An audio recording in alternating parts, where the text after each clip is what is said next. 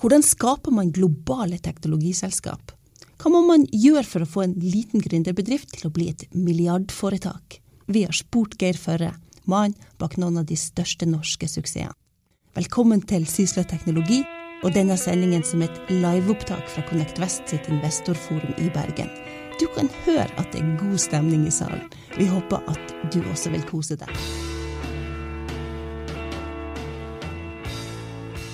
Du vokste opp innerst i en fjord i Tysvær i, i Rogaland.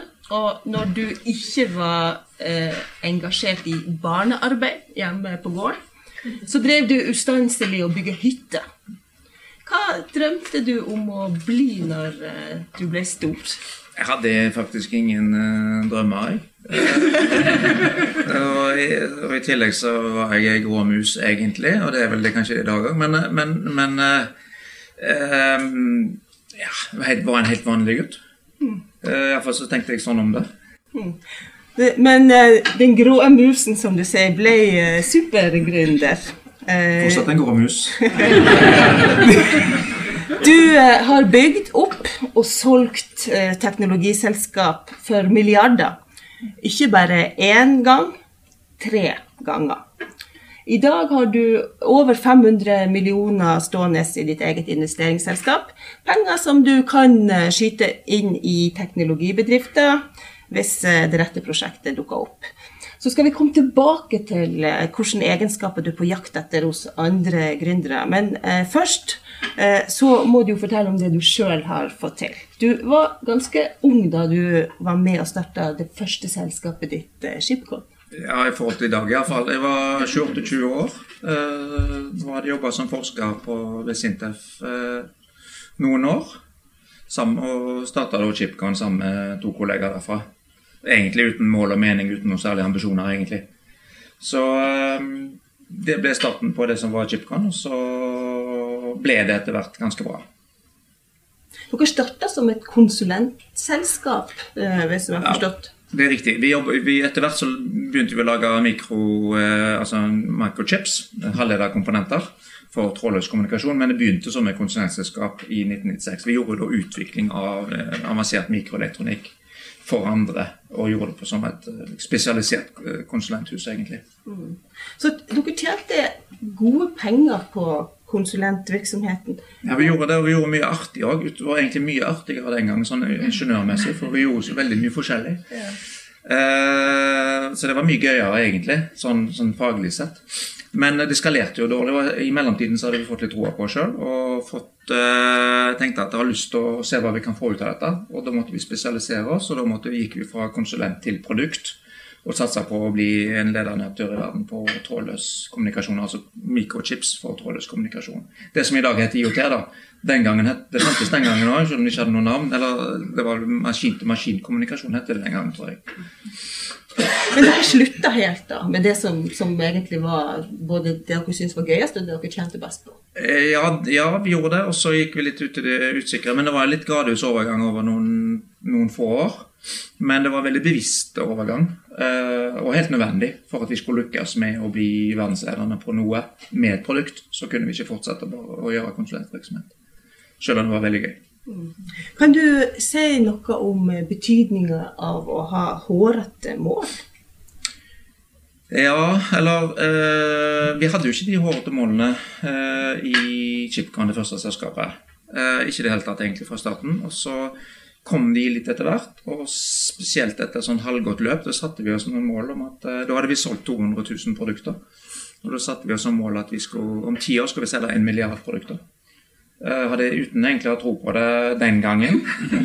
Uh, og ante iallfall ikke hvordan vi skulle gjøre det. Uh, og vi, inkludert meg, ikke trodde særlig på det heller. Men, men, det satte seg på en måte. Det sakte, men sikkert så begynte jeg å tro på det. Og litt fordi litt folk rundt meg begynte å tro på det.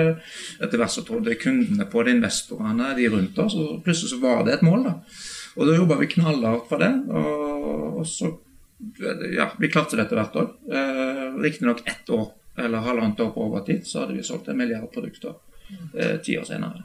Det var dag det Det kosta bare en dollar stykket, da, så det blir ikke så mye penger av det, dessverre. Tenk om det hadde kosta 100 dollar stykket. Da hadde det, det blitt eh, skikkelig bra. Men det var en viktig milepæl for dere. Det, det, var, det var veldig bevisstgjørende på valgene. Altså Det var det som gjorde at vi slutta med konsulentvirksomhet. Vi sa at ja, men vi, når ikke, vi kan ikke selge en milliardprodukter hvis ikke vi er ledende i verden på det.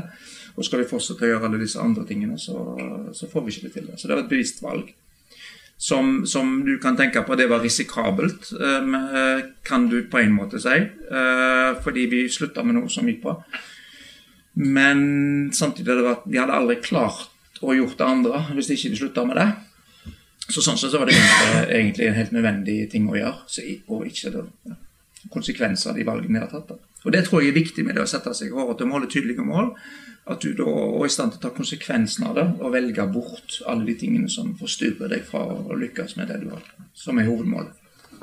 Den eh, internasjonale satsinga, eh, hvordan kom den i stand? Ja, Det var jo nødvendig i den overgangen. altså Mens vi drev med konsulentvirksomhet, så, så jobba vi med norske, svenske, danske, til dels tyske kunder. Eh, sånn sett hadde vi beveget oss litt utenfor Norge, men det var fremdeles trygt og godt i Nord-Europa.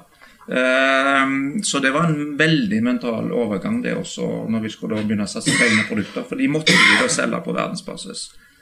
Og, det husker jeg var Det er kanskje det, vanskeligste jeg har vært med på. Det var de første skrittene vi tok på ok, vi skal etablere oss med kontor i USA, og vi skal til Asia, vi skal dit og vi skal dit. Hørtes veldig farlig ut. Uh, og var tungt sånn mentalt. Uh, og det ser jeg for meg i dag når jeg ser på de Selv om vi, vi er vel litt mer internasjonale, og de fleste har vært i Syden, på en måte. Uh, og de har reist litt, så det er litt mindre barrierer på det internasjonale nå i dag enn før. Men jeg tror fremdeles i dag så tror jeg det er en stor barriere for, for å gå ut. Så, så det var, men vi, vi, gjorde det, vi klarte det, og sakte, men sikkert så hadde vi en organisasjon over hele verden. Dere starta jo ikke bare et kontor, dere eh, kjøpte et selskap? ja, det var litt mot slutten, eller litt senere årene, så kjøpte vi et amerikansk selskap. Så det var litt unorsk. og de fleste Senere har jeg bare solgt selskaper til USA, så det var greit at de begynte med å kjøpe etter. Og så tok det nesten ti år fra dere etablerte Shipcon, og til dere solgte til Texas Instruments. Det er altså ikke sånn at man eh, utvikler en chip og eh, blir rik over natta. Eh, nei, det var ikke én chip, og det, var, det ble mange chipper etter hvert. Og, og, og, det var definitivt aldri noe mål å bli rik. Um, så og, Det var en reise. Og, ti år Sett tilbake på det, så gikk det superfort, egentlig. Ti år. Og jeg tror hvis du skal skape noe med mindre du har et griseflaks, da. Altså, du øh, skal skape noe med, med tung teknologi i bunn, så tar det mange år. Altså. Det tror jeg de som, dere som jobber med investeringer òg, og det tenker jeg sånn i dag det er lange reiser. altså. De fleste tilfeller. Jeg tenker, jeg tenker i, ok, Går jeg inn i et nytt selskap som investor i dag, så tenker jeg 10-15 års horisont på, på det fort. altså. Overraska det deg når dere begynte, at det tar såpass lang tid? Nei, jeg var bare overraska at det gikk så bra. Jeg, jeg hadde jo null forventninger, så det ble Å, oh, wow, hva skjedde her? Tror du det var annerledes å være gründer den eh, gangen? Du starta jo ditt første selskap i 1996 eh, enn det er i dag? Jeg tror hverdagen er veldig lik på mange måter. Eh, men det var jo veldig lite fokus på det å være gründer den gangen. I dag er det jo litt hipt å være gründer. Mhm. Litt kult. Den gangen så hvis det var på ja, hva, hva, driver du med, da? Ja, nei, Jeg har startet et selskap uh, som jobber med elektronikk. Å oh, ja. ja. Det var mer sånn. Uh, og ti år før det igjen så var det mer assosiert med det å være kriminell. hvis det var så, så det har jo blitt bedre, da. Men, men det er jo Sånn sett så var det mye mer anonymt. Men jeg tror ikke, de, jeg tror ikke de, egentlig de, de gode entreprenører er så veldig opptatt av den oppmerksomheten, egentlig. For de har denne indre drivkraften. indre uh, Så det, det, er ikke så viktig å bli sett. Det er viktig å være stolt over det du sjøl får til. Så du tenker ikke at det blir en litt motegreie? Jo, det, jeg tror det er til en viss grad. Jeg skal ikke overvurdere det, men jeg tror nok kanskje det er en del som ønsker å bli entreprenører og prøve seg som kanskje ikke burde gjøre det, eller gjør det av feil grunner. Mm. Og så starta du ditt neste selskap, Energy Micro. Eh, hva var motivasjonen for å gyve løs eh, en gang til? Nei, Jeg var veldig overraska over at det gikk så bra, så jeg lurte på om det var flaks. da. Så jeg måtte jo prøve en gang til og se om, eh, om det var mer enn det. Ja, Det var faktisk en motivasjon, det, men det var ikke det viktigste. Det viktigste var at jeg følte jeg hadde lært eh, fryktelig mye da, på disse ti åra. Så jeg tenkte kan, kan jeg bruke det nå, og gjenta det? Og det ble litt mer enn å gjenta det, for jeg følte på mange måter som modenhetsmessig selvfølgelig at det neste selskapet begynte litt der det andre slutta. Selv om det tok mange år, eller flere år, fem år, før vi var tilbake der vi hadde eh, en posisjon i markedet. da. Hva gjorde du annerledes denne gangen, da? Nei, det var, det var mye mer bevissthet rundt ting. Eh, vi gikk rett på det som eh, var strategien. Vi satte oss mål med en gang. Det var mye mer rettlinjer. Eh, mange, langt færre omveier. Kosta mye mer penger, da, for vi gikk rett på produkt. Så det, sånn sett så var det jo sånn Finansielt så var det jo mye bedre den første. For vi, investerte jo knapper og glansbilder og fikk ganske mye ut.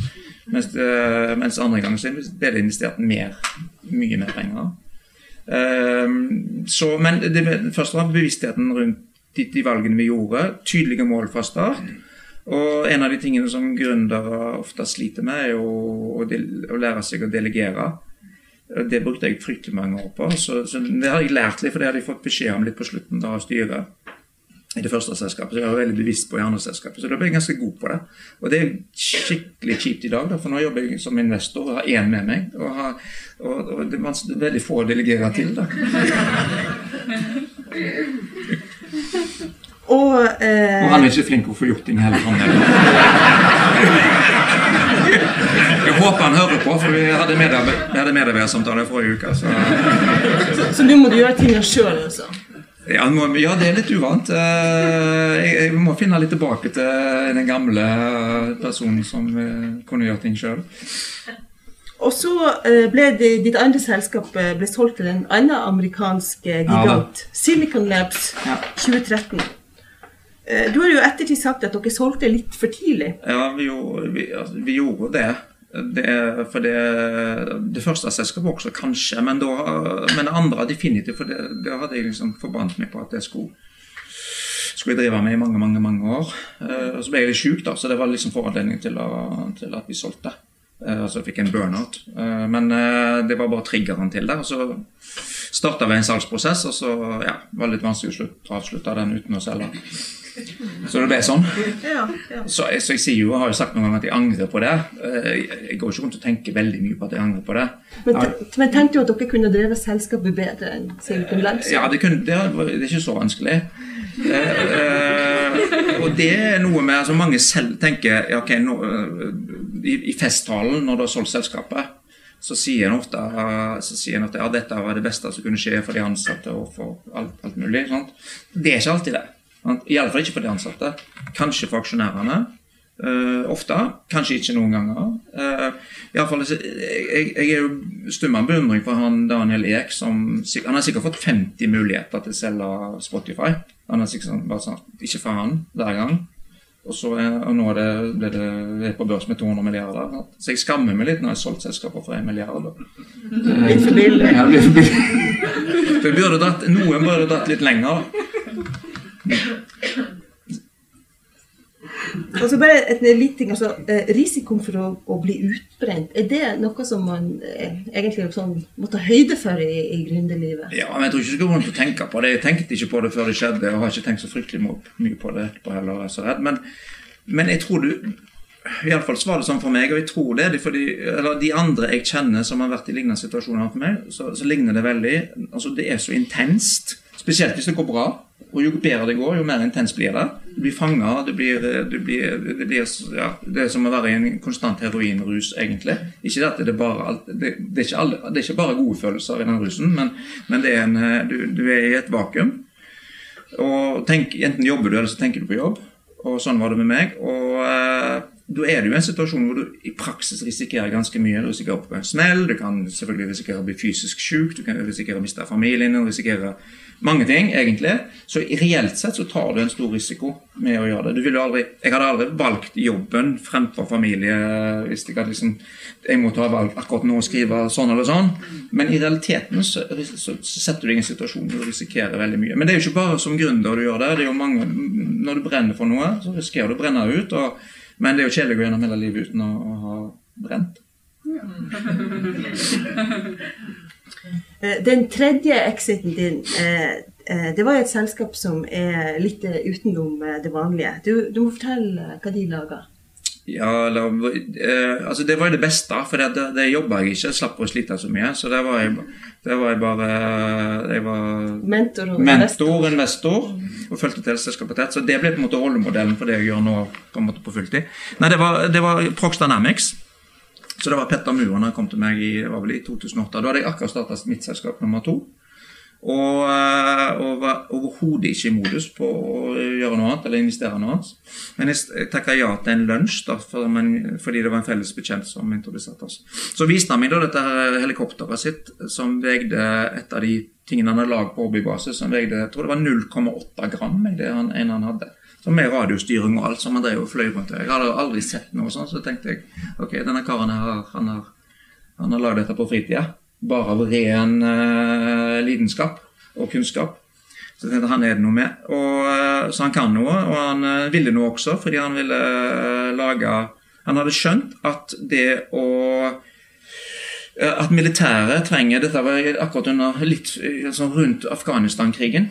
Det var veldig mye tap av liv, både amerikanske soldater og britiske soldater i Afghanistan. Og, og dette med å ha en sånn kikkert som du kunne sende ut, flygende kikkert, var noe de jobba med, både i det britiske forsvaret og amerikanske forsvaret. Han, han, trodde han visste hvordan han skulle lage et sånt produkt. Og Det var utgangspunktet for Prox. Og det ble jo, og er jo verdensledende på disse bitte små helikoptrene, som da er, kalles for en soldier born sensor, som bæres av soldaten ut i felt. Så det, det, Britene var den første kunden, så de kjøpte det fordi de, i Afghanistan, i sørlige Afghanistan så er de fleste landsbyer omringet av en mur. Compound, som det heter. Så der kom de fram med disse troppene som beveget seg fram. De visste ikke om det var Taliban inne, så de kom fram med stigen sin og satte den opp til muren. Og så var det ikke så veldig populært å være den som skulle kikke over den kanten. Så når de da kom med den kikkerten, så det er den flygende kikkerten så du kunne fly litt og kikke litt før du gjorde det, så sparte det veldig mange liv. da. Militært er ikke det jeg syns er gøyest å investere i, men dette var et gøy produkt å investere i, både fordi det var kult og fordi det sparer liv. Hva var det du så i gründeren og, og, og selskapet, uh, i tillegg til selve produktet, men altså, var det egenskaper med, med gründeren som, som, gjorde at du, du valgte å, å, å, satse såpass mye penger på det?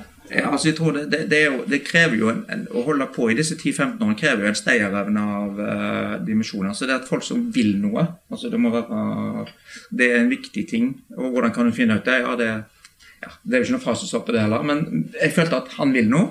Og han kunne definitivt ut noe, så det er alltid kriteriet når vi investerer noe, at vi tror at dette er en person, person, personer som kan noe og vil noe.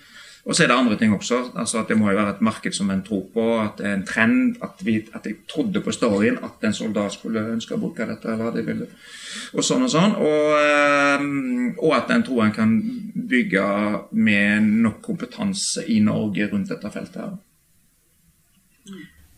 disse selskapene som Firde har investert i eh, Hvis du kan si litt kort om de, ett av de er jo her i Ja, det er Bergen Stolthet, har jeg skjønt? Ja. uh, ja, Disruptive Technologies det er jo et spennende, spennende selskap. Verdens minste trådløse sensor. Uh, så med kjempepotensial.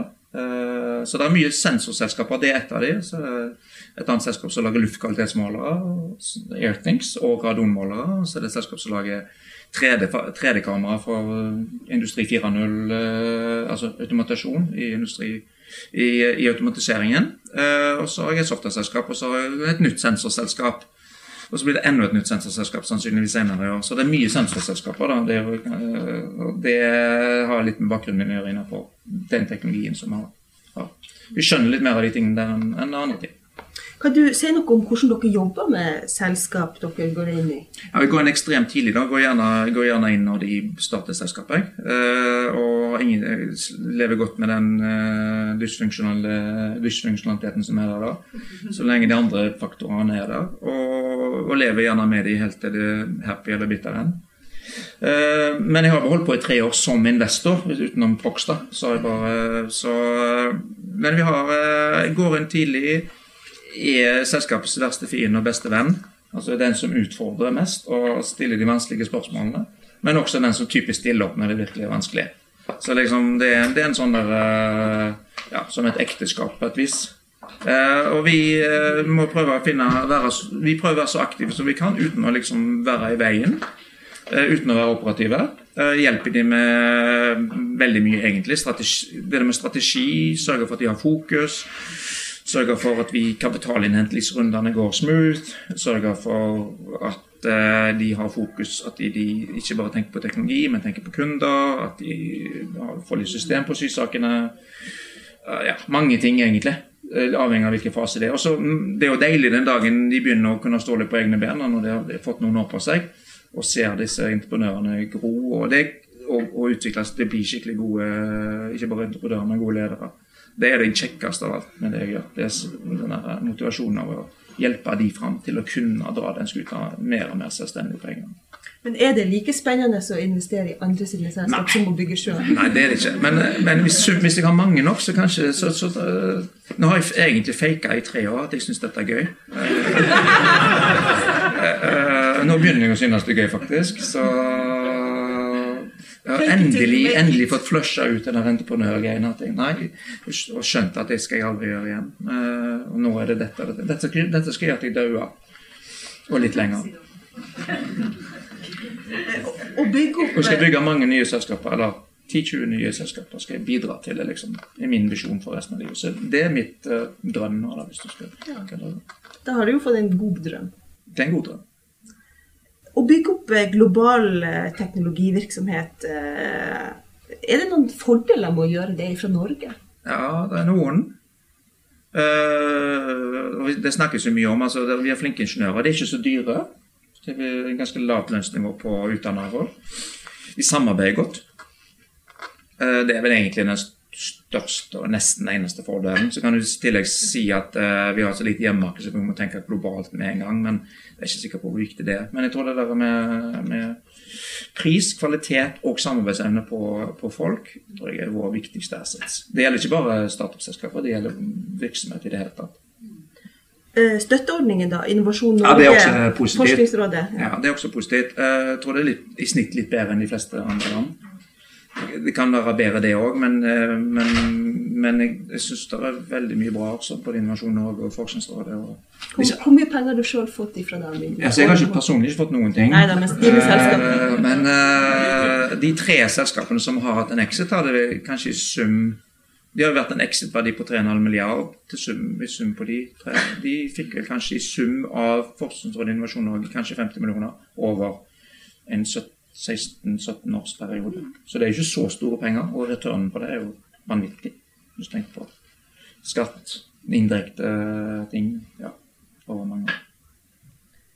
Hva er ulempene eh, med å bygge opp eh, et eh, globalt selskap fra Norge, da? Jeg tror egentlig den største er vår, vår mangel på sånne Daniel Eek-holdninger. Altså og det må jeg bare arrestere meg sjøl over. Altfor ofte selv, altså Alltid egentlig sånn at eh, solgt disse for tidlig. At vi, når vi når et visst punkt, så er vi fornøyd. Oh, dette var fantastisk, dette er en suksess. Og så, så tør vi ikke å satse alt og bare fortsette. Uh, og der tror jeg, jeg, er ikke sikkert svenskene som var nyttig mye bedre, men det er i hvert fall, de har noen flere eksempler på det. Jeg tror vi mangler litt Vi har den der fisk, den der hånd til munn, uh, fisker- og bondementaliteten. Uh, så langsiktig industriell tenkning er et problem. Og det gjelder både investorer og gründerne sjøl, kanskje ikke minst. Nummer to er at det er vanskelig, at det er ikke så mye folk. sånn at hvis du, det er F.eks. i den bransjen som jeg representerer, halvlederindustrien i Norge. Den, det er 1000 mennesker i Norge som jobber innenfor den halvlederindustrien, fordelt på en fire-fem selskaper. Men Er det et segment som er, som er ledende? Det er ledende i verden, faktisk. Men det er, knøtt, det er ikke så gigantisk stort som totalt sett i verden heller. Men det er sikkert en eh, ti, mange titusener og 50 000, 100 000 av folk som jobber i det. I Norge er det 1000. Eh, så det er vanskelig å vokse fort med rekruttering. Det er mye lettere i Silicon, Lab, Silicon Valley eller i USA eller større byer. Det er lettere å miste alle like fort kanskje noen ganger, men, uh, å bli kvitt dem. Men uh, det er et reelt problem. Og det er jo mindre byene og mindre steder. Altså, Jeg kunne ikke gjort dette i Førre, i Tysvær. Det går ikke. Så det, må, det, det, du gjør, må også passe med det var det jeg var inne på i stad. jeg ser etter. det må se at Klarer vi å rekruttere nok mennesker som passer inn i den at de kan klare å lykkes med den ambisjonen som de har. Og det er ikke sånn at en på dødelig skal bygge opp alt i Norge. eh, Og, og på dødelig så bør en kanskje ikke det, men hvis du skal bygge et norsk selskap med utgangspunkt i Norge, så må du ha ganske mye i Norge. For at du har et visst tyngdepunkt, iallfall. Så kan du fylle på med, med andre destinasjoner eh, etter hvert. Det er en, eh, en, eh, en, en ulempe. Noen av de selskapene du allerede har, eller er i ferd med å investere i, tror du de kan uh, bli milliardselskap? Alle, tror jeg faktisk. Faktisk. Helt seriøst. Men det, er ikke, det blir jo ikke sånn. Men jeg, men jeg har troa på det. Basert på din egen erfaring og det som du har sett i de selskapene som du er inne i, hva er den vanligste feilen som gründerne gjør? Eh, vanligste feilen eh, Det tror jeg er at eh, de To ting. De klarer ikke å fokusere. De gjør for mange ting. Eh, sier ja til for mange ting. Og så tror jeg at de de, de, de gründerne Den typiske gründer er veldig opptatt av teknologi. Altså en typisk teknologigründer er ekstremt opptatt av teknologi. Og, og gjerne medgründeren også. Og veldig ofte så mangler de den, det merkantile, det kommersielle. Så det tror jeg er ofte Det er mye lettere å lage et produkt enn å selge det. Vil mye heller ha en kunde og ingen produkt enn et produkt og ingen kunde. For hvis du har kunden og ikke et produkt, så er det iallfall håp. Og Der skiller du deg litt eh, fra andre teknologigründere. For du har jo uttalt at eh, Nei, du er jo egentlig ikke så interessert i teknologi.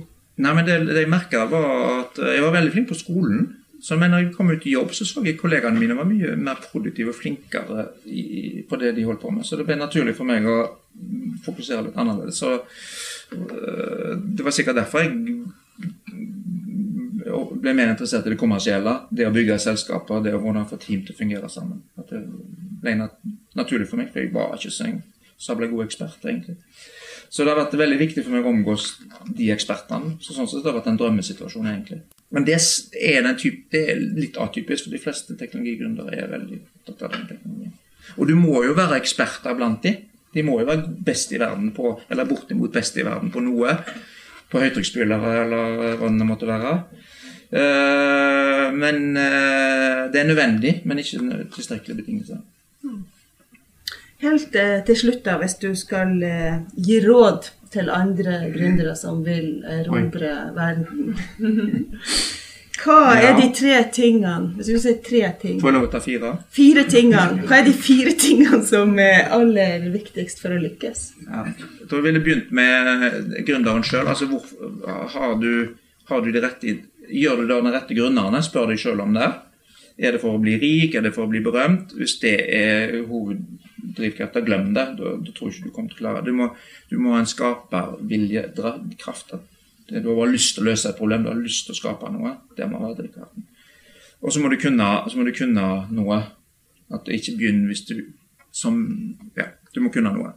Eh, og så gjør det sammen med noen, jeg. Og velg nøye de du gjør det sammen med. De bør ikke nødvendigvis være helt like deg, men det må ha en god kjemi med de andre, sånn at du kan orke å holde ut med disse her i 10-15 år. For det blir jo mange vanskelige dager og vanskelige ting. Uh, og så er dette å sette mål. Være tydelig på det. Så det er ikke sånn at alle selskaper trenger å ha hårete mål, men ha tydelige mål.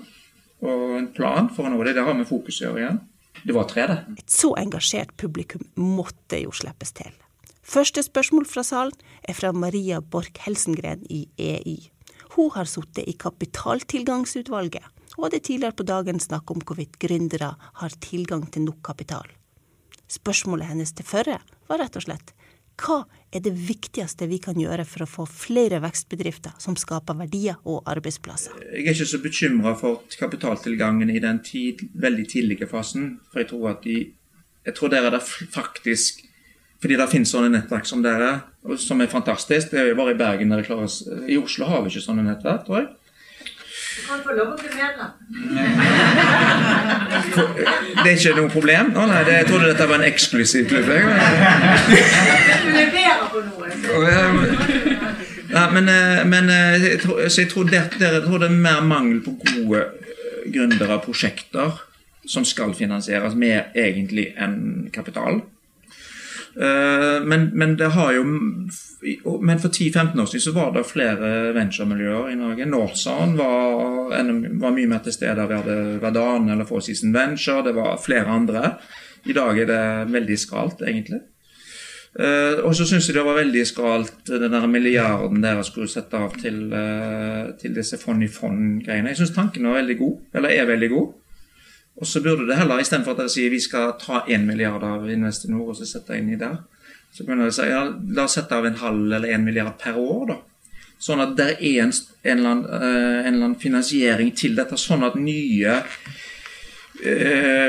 miljøer, venturemiljøer som kan dra det i den fasen som du, Dag, var inne på. Dag, Dag du vet, ikke sant? Var inne på tidligere. Det tror jeg er en manko. For jeg savna det den dagen jeg var sjuk og likevel hadde lyst til å, å fortsette selskapet.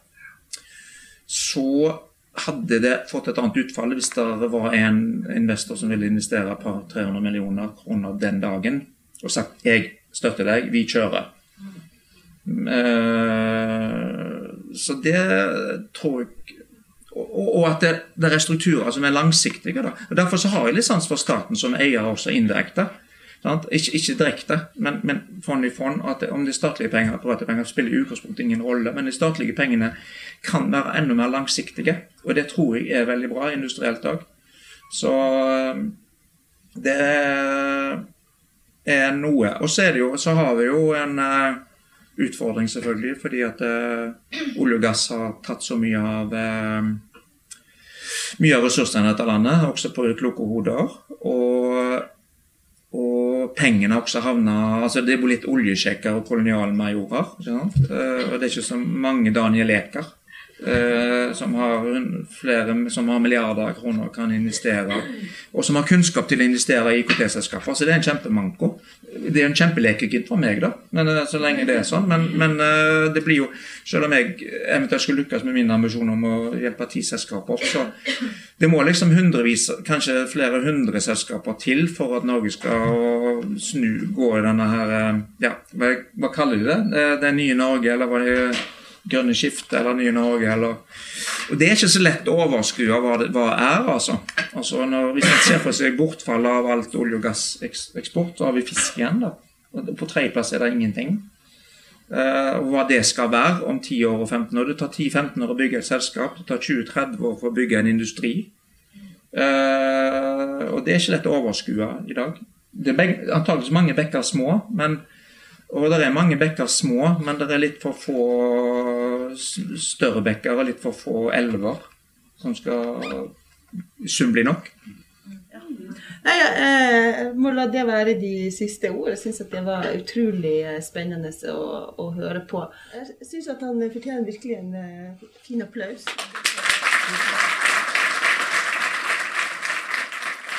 Du har hørt en live podkast fra Sysla. Vi er straks ute med en helt ny Sysla-podkast, Det vi lever av. Der treffer du kollega Sigrid Haaland og hennes faste gjester. Er du interessert i næringsliv? Da vil du ikke gå glipp av den nye Sysla-podden. Mitt navn er Marit Holm. Produsent for denne sendinga har vært Henrik Svanevik. Vi høres.